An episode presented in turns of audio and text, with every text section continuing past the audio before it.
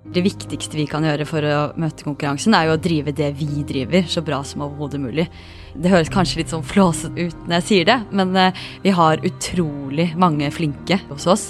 Og at vi heller kan bruke tid på å spille de bedre hver dag, tror jeg vil være den beste måten å møte konkurransen på. Og ikke bruke så mye tid på kanskje alt det rundt, men heller bruke tid på det vi er gode på, og hva vi kan gjøre bedre. Hva må du egentlig gjøre for å være konkurransedyktig i en tid hvor verden stadig er endring? Du lytter til Næringspodden fra Sparebanken Sør. Her vil du oppleve næringslivet fra innsiden og møte inspirerende mennesker som er med på å utvikle landsdelen vår. I 1978 finner Anders Lykke ut at han skal være med en eh, kompis seg og selge smultringer i Arendal. Ifølge Agderposten så eh, ble denne turen her noe lengre enn kanskje først antatt, for han falt pladask for byen, oppretta og starta en frisørsalong med navnet Lucky Frisør. Og siden den gang så har han da drevet denne frisørsalongen, som i dag har blitt en kjede. Samtidig så fant han da, sånn ca. åtte til ti år etter, kjærligheten med en DJ som kom innom salongen, som heter Noreen. De har gifta seg, fått to døtre, og i dag så driver de da frisørkjeden sammen, men da andre generasjon. Tara, som er datter, og i dag daglig leder av Lucky frisør. Velkommen til Næringsbåten. Tusen takk. Du, eh, kan ikke du fortelle, nå har jeg fortalt litt om historien og bakgrunnen her, men eh, kan ikke du òg eh, dele litt hvis du skal presentere deg sjøl for første gang til noen? Hva bruker du å si da? Da bruker jeg å si at jeg heter Tara Lykke. Jeg er 28 år og kommer fra den fantastiske sørlandsbyen Arendal. Jeg er så heldig å få jobbe i en familieeid bedrift sammen med min familie og mange gode kollegaer. Ja, det er vel egentlig kanskje det. Så bra. Men fortell meg litt, eh, Tara. Du, du, har jo da vokst opp i en gründerfamilie. Hvordan har det vært? Veldig bra. Eh, kjempegøy. Våre foreldre, jeg sier jo våre, for min søster har jo også kommet inn i bedriften nå, Thea, eh, har aldri lagt noe press på at vi skal inn i bransjen, og alltid sagt at vi selger og dere gjør akkurat det dere vil. Men de har samtidig vært veldig flinke til å inkludere oss i eh, bransjen helt fra begynnelsen. Og egentlig ja, kanskje gjort oss veldig nysgjerrige da, på bransjen. Eh, så det har vært veldig gøy, og de har, fra vi har vært ganske unge, eh, latt oss være med å ta valg, og de har spurt oss om tips og innspill. da. Så det har vært eh, kjempegøy og veldig lærerikt. Middagen hos deg i Lykke-familien den har vært litt annerledes enn kanskje hva som er normalt? Ja, det går jo mye jobb ofte, og det er veldig mange ganger at vi må si nå må vi snakke om noe annet, nå snakker vi om jobb igjen. Men fortell meg, var det, var det et tidspunkt i livet når du fant ut at ja, dette her er veien jeg skal gjøre, gå? Nei, egentlig ikke, på en måte. Jeg har bare alltid visst at det er dette jeg vil. Det har vært min store, store, store drøm eh, å kunne lede og en gang kanskje ta over Lucky frisør. Så heldigvis for meg, jeg har jo mange venner som har slitt med hvilken studieretning man skal gå når man er ferdig på videregående, men for min del har det vært eh, veldig lett. Eh, for det, er, ja, det har vært min store drøm å gå inn i Lucky frisør. Men hva er det som er mest spennende med å jobbe i frisørbransjen? da?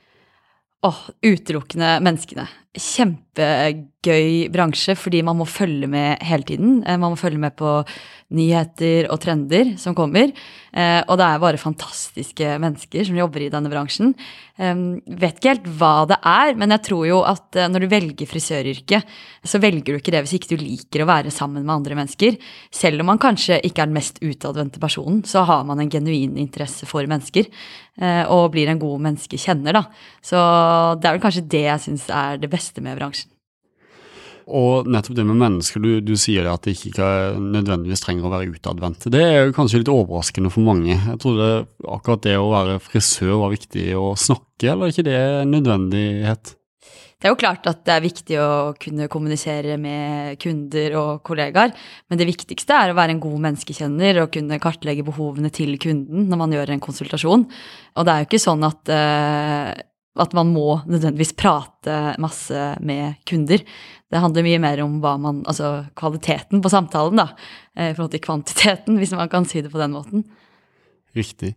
Har du sjøl vært frisør, eller hvordan jobber du i dag? Um, ja. Altså, som sagt så har jo dette vært min store drøm. Uh, og når man jobber med håndverk, så uh, mener jeg det er veldig veldig viktig å vite hvordan det er å jobbe med håndverket og med faget. Så den gangen uh, jeg fant Altså jeg visste jo hva jeg skulle gjøre, men veien dit var jeg litt usikker på. Så vi hadde litt sånn familieråd og har alltid visst at jeg har lyst til å gå frisørutdanning. Men eh, vi fant ut at hvis, jeg, um, hvis, det gikk som vi håpte på, da, så var det lurt å ha litt akademisk eh, utdannelse i bakgrunn. Så derfor så valgte jeg først å gå på BI, eh, og tok bachelor i markedsføring der.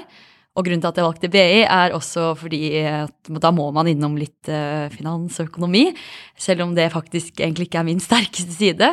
Og alltid hatt en stor interesse for markedsføring. Um, og når jeg var ferdig der, så kom jeg hjem og jobbet et halvt år i bedriften.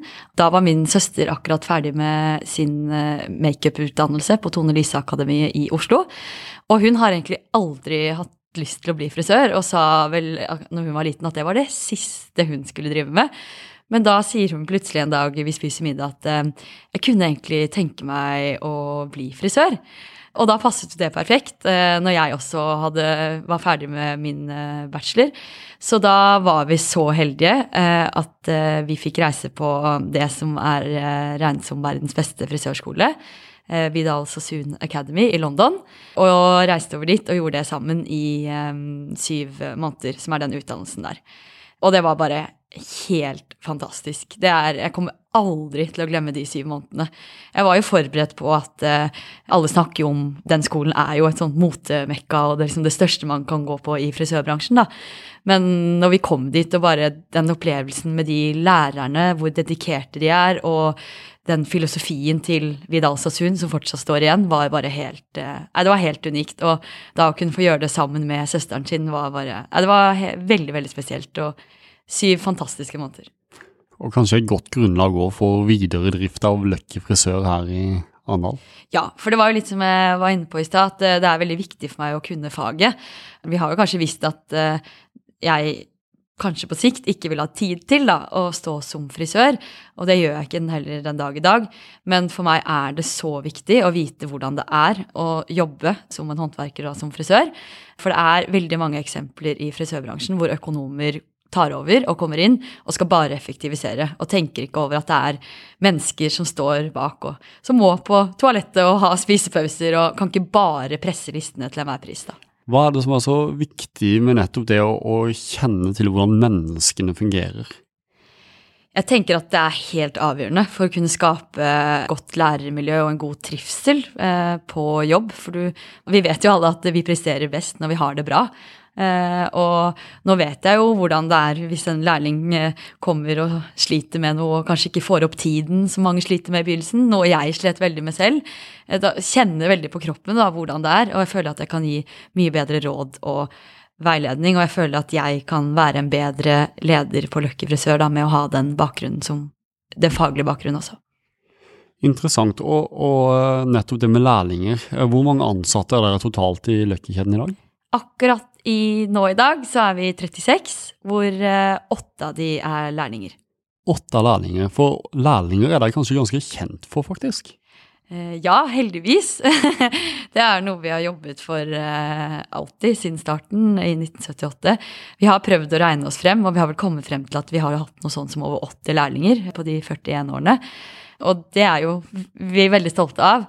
Men det er vel kanskje de siste årene nå hvor vi virkelig har tatt grep at det har skjedd noe. Jeg har en kollega, Åse, som begynte som lærling hos oss, og som faktisk besto svenneprøven meget godt, og er en kjempeflink frisør, som viser en stor interesse for dette med lærlinger. Så hun er nå liksom overordnet faglig leder for alle lærlingene våre, og opplæringsinstruktør, og gjør en helt fantastisk jobb. Nå har vi vårt helt eget system, og vi ser at det funker så bra. Og de siste årene så har eh, alle lærlingene våre som har gått opp til svenneprøven, har eh, bestått. Hvor en av de har bestått meget godt. Så vi er, nei, akkurat det med lærlinger bruker vi ekstremt mye tid og ressurser på, eh, og er veldig stolte av det. Så vi har et mål om å ta inn fem lærlinger i året, og jobber veldig med dette. Og det var jo veldig gledelig for oss i fjor når vi ble kåret til årets lærebedrift i Aust-Agder. Tara, du må fortelle meg litt, for det er litt interessant i og med at det er et uh, familiekonsern, dette her. Uh, hvordan har det vært med rollefordeling? Ja, når jeg kom hjem fra studiene, så um, sa jeg til mine foreldre at vi må ha litt rollefordeling. Eh, de har jo åpenbart gjort det veldig bra i mange år, og jeg tror deres rollefordeling har bare blitt litt til sånn som veien har gått. Og de har fungert kjempebra som et godt team. Men jeg så at det kanskje var litt vanskelig å komme inn og skulle liksom um, finne min plass inni det her, da.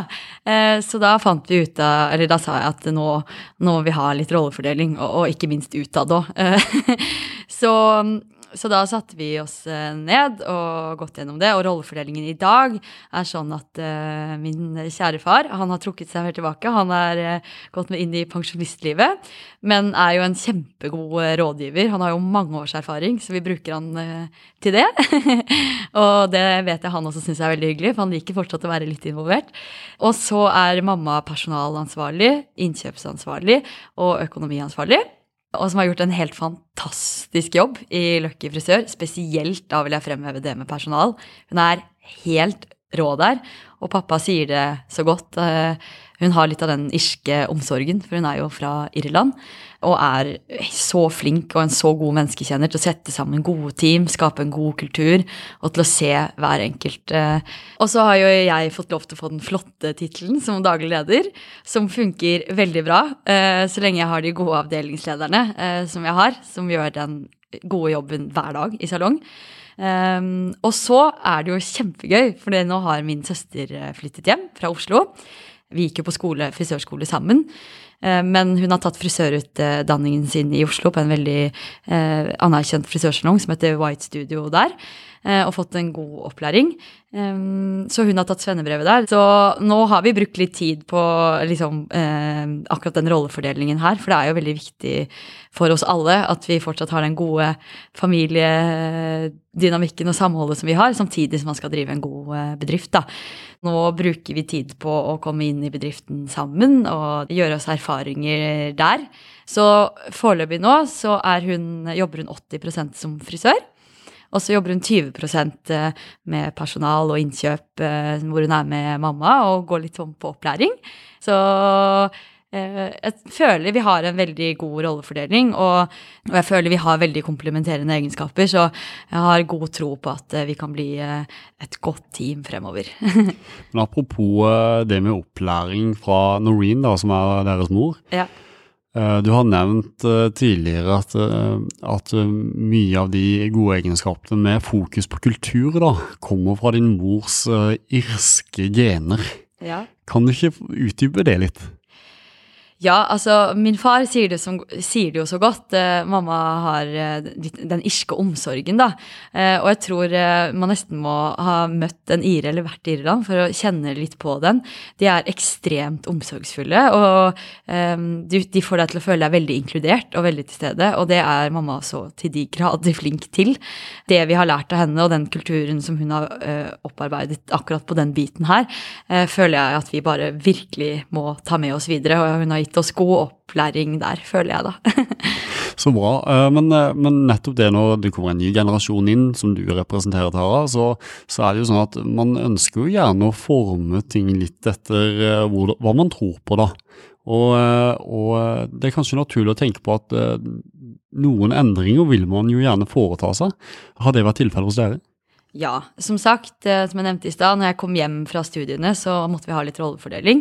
Det som har vært veldig gøy, og som jeg har lyst til å berømme foreldrene våre for, da, er jo hvor flinke de faktisk har vært til å liksom slippe tak og gi oss plass da, og handlingsrom til å eh, gjøre det vi vil.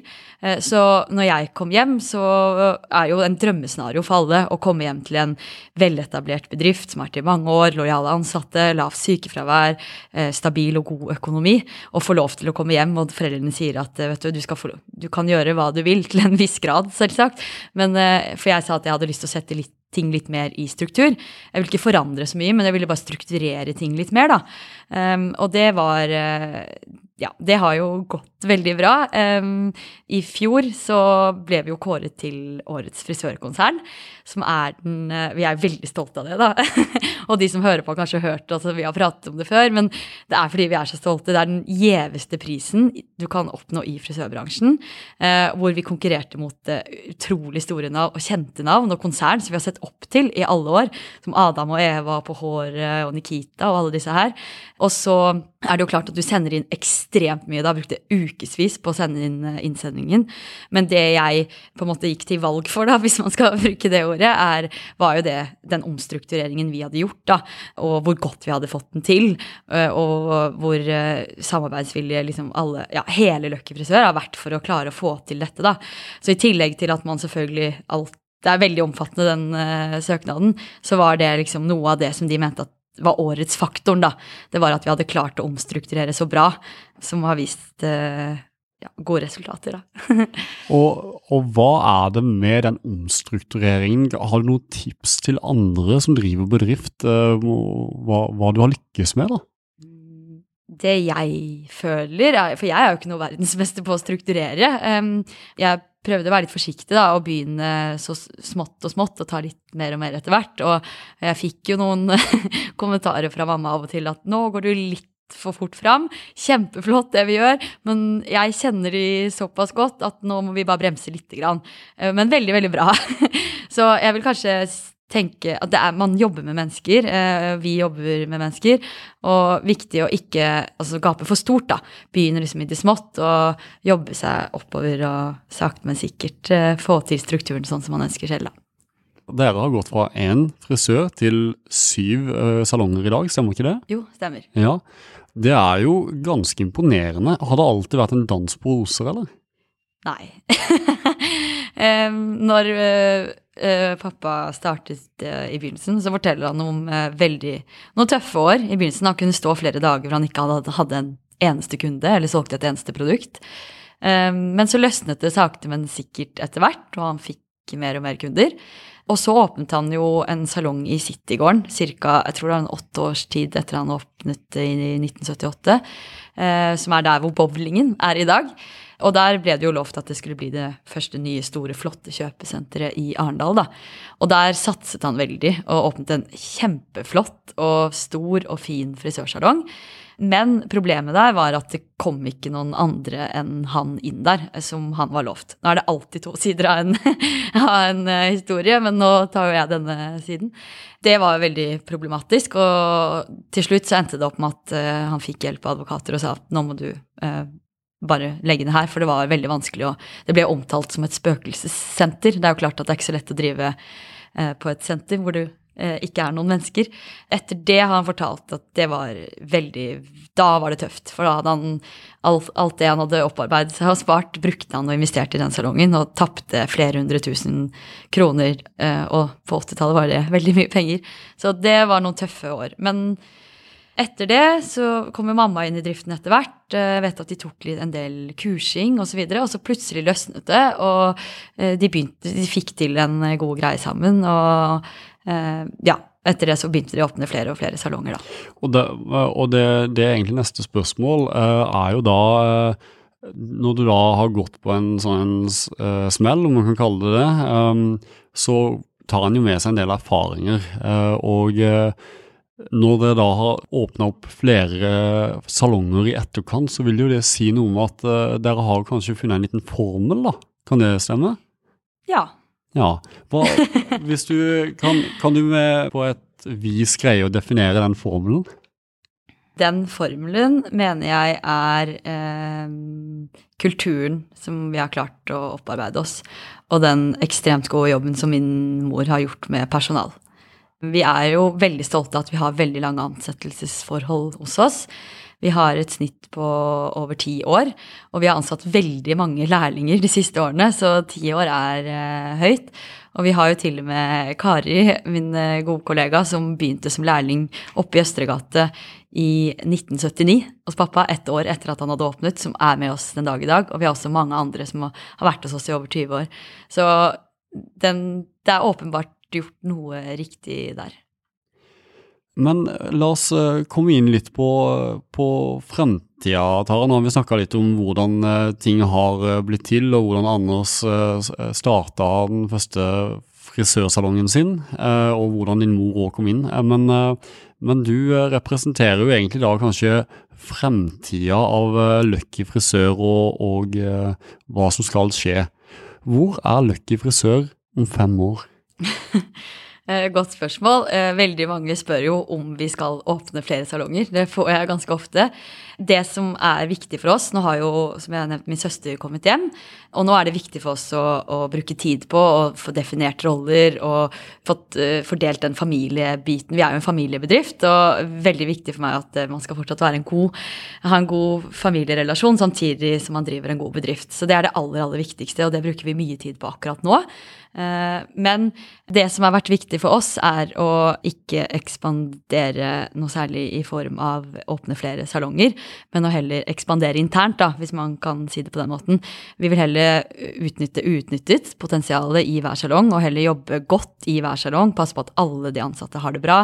Vi har masse vi kan gjøre før vi eventuelt åpner noe mer.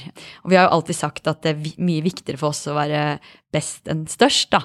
Så vi vil bruke mye tid nå i årene fremover på å heller utnytte som sagt, det er utnyttet potensialet i hver salong og jobbe der. Og så vil vi heller ha en, ja, en, naturlig ekspansjon etter det. Det er ikke noe must for oss å åpne over hele Norge og verden. Og vi vil heller drive det vi driver bra. For nettopp det å åpne over hele verden og Norge og ekspansjon, da handler gjerne om å få inn større volum av kunder. Mm. Og da kommer vi egentlig inn på konkurranse. Ja. Eh, og det er jo, som mange kjent, eh, kanskje frisørbransjen litt eh, utsatt for. Nettopp eh, Det finnes mange frisører i, eh, i, bransjen. Fortell litt om det. Ja, det er jo et stort spørsmål. Um, altså det jeg tenker det viktigste vi kan gjøre for å møte konkurransen, er jo å drive det vi driver, så bra som overhodet mulig. Det høres kanskje litt sånn flåsete sak uh, ut når jeg sier det, men uh, vi har utrolig mange flinke frisører og lærlinger hos oss. Og at vi heller kan bruke tid på å spille de bedre hver dag, tror jeg vil være den beste måten å møte konkurransen på. Og ikke bruke så mye tid på kanskje alt det rundt, men heller bruke tid på det vi er gode på, og hva vi kan gjøre bedre. Det tenker jeg kanskje er det viktigste kriteriet der. Det er andre strategiske grep dere òg har gjort, eh, Tara, og det går bl.a. på at dere har sett litt eh, frem i glasskula sjøl, og bl.a. på netthandel, som er en uh, økende konkurranse fra netthandel. Der har dere gjort noen grep, kan du fortelle litt om det? Ja, der er det egentlig min mor som skal ha den store æren. Hun uh, så for ja, det blir jo bli noen år siden nå, at netthandel vil komme for fullt. Og mange som trodde at hun var helt gæren når hun kjøpte inn kjempestore partier, og fikk jo da selvfølgelig eh, rabatter på dette i og med at hun kjøpte inn så mye. Så der var hun veldig tidlig ute. Og jeg tror i og med at vi var såpass tidlig ute, så ser vi at vi har veldig mange kunder som kommer til oss fordi at de er vant til å handle hos oss, og vi har gode priser. Og det er jo et av våre mål, og det er at vi skal ha tilby kvalitetsprodukter til markedsledende priser. Så det er veldig gledelig at vi har så mange faste kunder. Og det er jo klart at spesielt i dag, når vi ser uh, handlemønstre som forandrer seg hos forbrukerne, det er mer og mer nett, så er det veldig gøy å se at vi fortsatt kan være med å, hevde oss uh, såpass bra da, i varehandelsbiten. Men hvor viktig er det for den daglige driften deres uh, å differensiere inntektsstrømmene og selge produkter kontra liksom, tjenester? I tillegg til å, at, å tilby kundene eh, produkter, så de kan få til den fine sveisen sin hjemme, så er jo det fokus på varesalg er, det er veldig viktig for oss. Og det er en inntekt som vi eh, bruker til å kunne ha, ja, sikre trygge arbeidsplasser og gode arbeidsplasser. Vi kan bruke det på kurs. Eh, vi var jo f.eks. i København med alle de ansatte i fjor, når vi eh, feiret 40-årsjubileum. Så den inntekten der eh, er en veldig trygghet for oss, som gjør at vi kan pusse opp salonger og ha en trygg og god økonomi, da, så at de ansatte har en trygg og god arbeidsplass hvor man kan møte uforutsigbare utgifter da, som plutselig kan dukke opp. Du har jo nærmest vokst opp med de, de som i dag er ansatt for deg, da. Kan du ikke fortelle litt om det? Jo, veldig gjerne. Um, som jeg nevnte i stad, så har vi jo veldig lange ansettelsesforhold. Så jeg har jo vokst opp med mange av de her. Og uh, mange av mine kollegaer har jo sett meg fra liten, fra, fra jeg var liten, når jeg jobbet som ryddehjelp eh, på lørdager når jeg gikk på skolen. Så det er veldig, veldig, veldig hyggelig å uh, jobbe med så mange mennesker som man har en så god relasjon med, og som man faktisk har blitt veldig glad i vi har, som jeg har vært inne på, den kulturen vi har. Jeg føler den er veldig unik. Jeg ser hvor glad vi er i hverandre, da, og hvor glad jeg faktisk er i kollegaene mine ved siden av jobb, også som mennesker. For vi har, om jeg kan tillate meg å si det, så har vi så mange flotte, fine mennesker. Og det sier vi jo er jo litt av vår eh, filosofi, og at det, det kan være verdens beste frisør som søker jobb hos oss, men du ikke, har du ikke medmenneskelighet og er en lojal og fin person mot dine kollegaer, så passer du ikke inn i Lucky frisør. Veldig bra. Du, sett at jeg eh, var en del av et, eh, en familievirksomhet og skal snart ta over styrespaken i mitt eh, selskap, eller min eh, far og min mors selskap. Har du noen tips til hvordan jeg bør gå frem? det er jo vanskelig å gi tips på, syns jeg. Nå er vi jo Mamma er fortsatt veldig involvert og har ikke tenkt til å gi seg med det første, heldigvis. Men det er jo klart at uh, det, Mine erfaringer så langt, da, selv om vi liksom står litt midt oppi det nå, min søster akkurat har flyttet hjem, så er det vel egentlig det å ikke undervurdere det som alle sier om at ha møter, snakk om ting. Um, den strukturen rundt det, da, og ikke undervurdere hvor viktig det er med den rollefordelingen, sånn at ikke man, det kan bli noen misforståelser. da. Så den lille erfaringen jeg har så langt, så er det kanskje egentlig det jeg har å si. Eh, lytt til de som har erfaring og har vært gjennom det tidligere. Nå er vi jo heldige å ha foreldre som slipper veldig, da, og, og spesielt mamma som egentlig har likt å hatt det kontroll i alle ledd tidligere. Eh, beundringsverdig eh, hvor lett hun spesielt kan eh, gi slipp, da. Men bare som, som et sånt tips til kanskje til foreldrene, da, så ser jeg jo hvor utrolig mye jeg og Thea får igjen for at eh, de slipper, og slipper også lett til. Det føler jeg kanskje er et godt tips til foreldre som står i det. For det, jeg skjønner jo, man, det er jo hjertebarnet. Man har liksom øh, jobbet hardt opp, for å oppnå og få til den bedriften man har, da. Men øh, det er min erfaring så langt, at det å få handlingsrom og kunne slippe til, opplever jeg som ekstremt positivt og gir meg en god selvtillit da, når de ønsker å gjøre det. Det begynner vi jo å nærme oss slutten her, Tara. Men i og med at dette her kalles Næringspodden, så bruker jeg å stille et fast spørsmål til alle mine gjester. um, og det er uh, hva er det som gir deg næring og inspirasjon i hverdagen? Hmm, um, det tror jeg vil være å se andre mennesker som er engasjert og jobber målrettet for å få til noe. Enten om det er andre bedriftsledere, idrettsutøvere eller um, mine kollegaer, som jeg ser jobber uh, målrettet for å bli en flink frisør. Og det er jo ingenting som gleder meg mer enn når jeg får en melding eller en telefon og sier 'Å, se, jeg fikk til det som vi har jobbet for', eller eh, det vi har jobbet mot, da, og de målene vi har satt oss. Så det høres også kanskje litt sånn flåsete ut, men det å jobbe med de kollegaene som jeg gjør, inspirerer meg faktisk eh, veldig mye i hverdagen. Når du ser tilbake på historien med selskapet, hva er du mest stolt av? Det foreldrene mine har skapt sammen. Du, eh, da er vi kommet til veis ende, vi. Eh, og jeg vil egentlig bare avslutte med å si tusen hjertelig takk for at du ville komme med i Næringspodden, Tara. Tusen takk for at jeg fikk lov til å komme og fortelle om vår historie på Lucky Frisør. Og lykke til med videre drift. Tusen takk. Du lyttet nettopp til Næringspodden av Sparebanken Sør. For flere episoder, gå inn på sor.no slash podden. Her kan du gi ris eller ros, samt tips til andre næringsdrivende vi bør intervjue.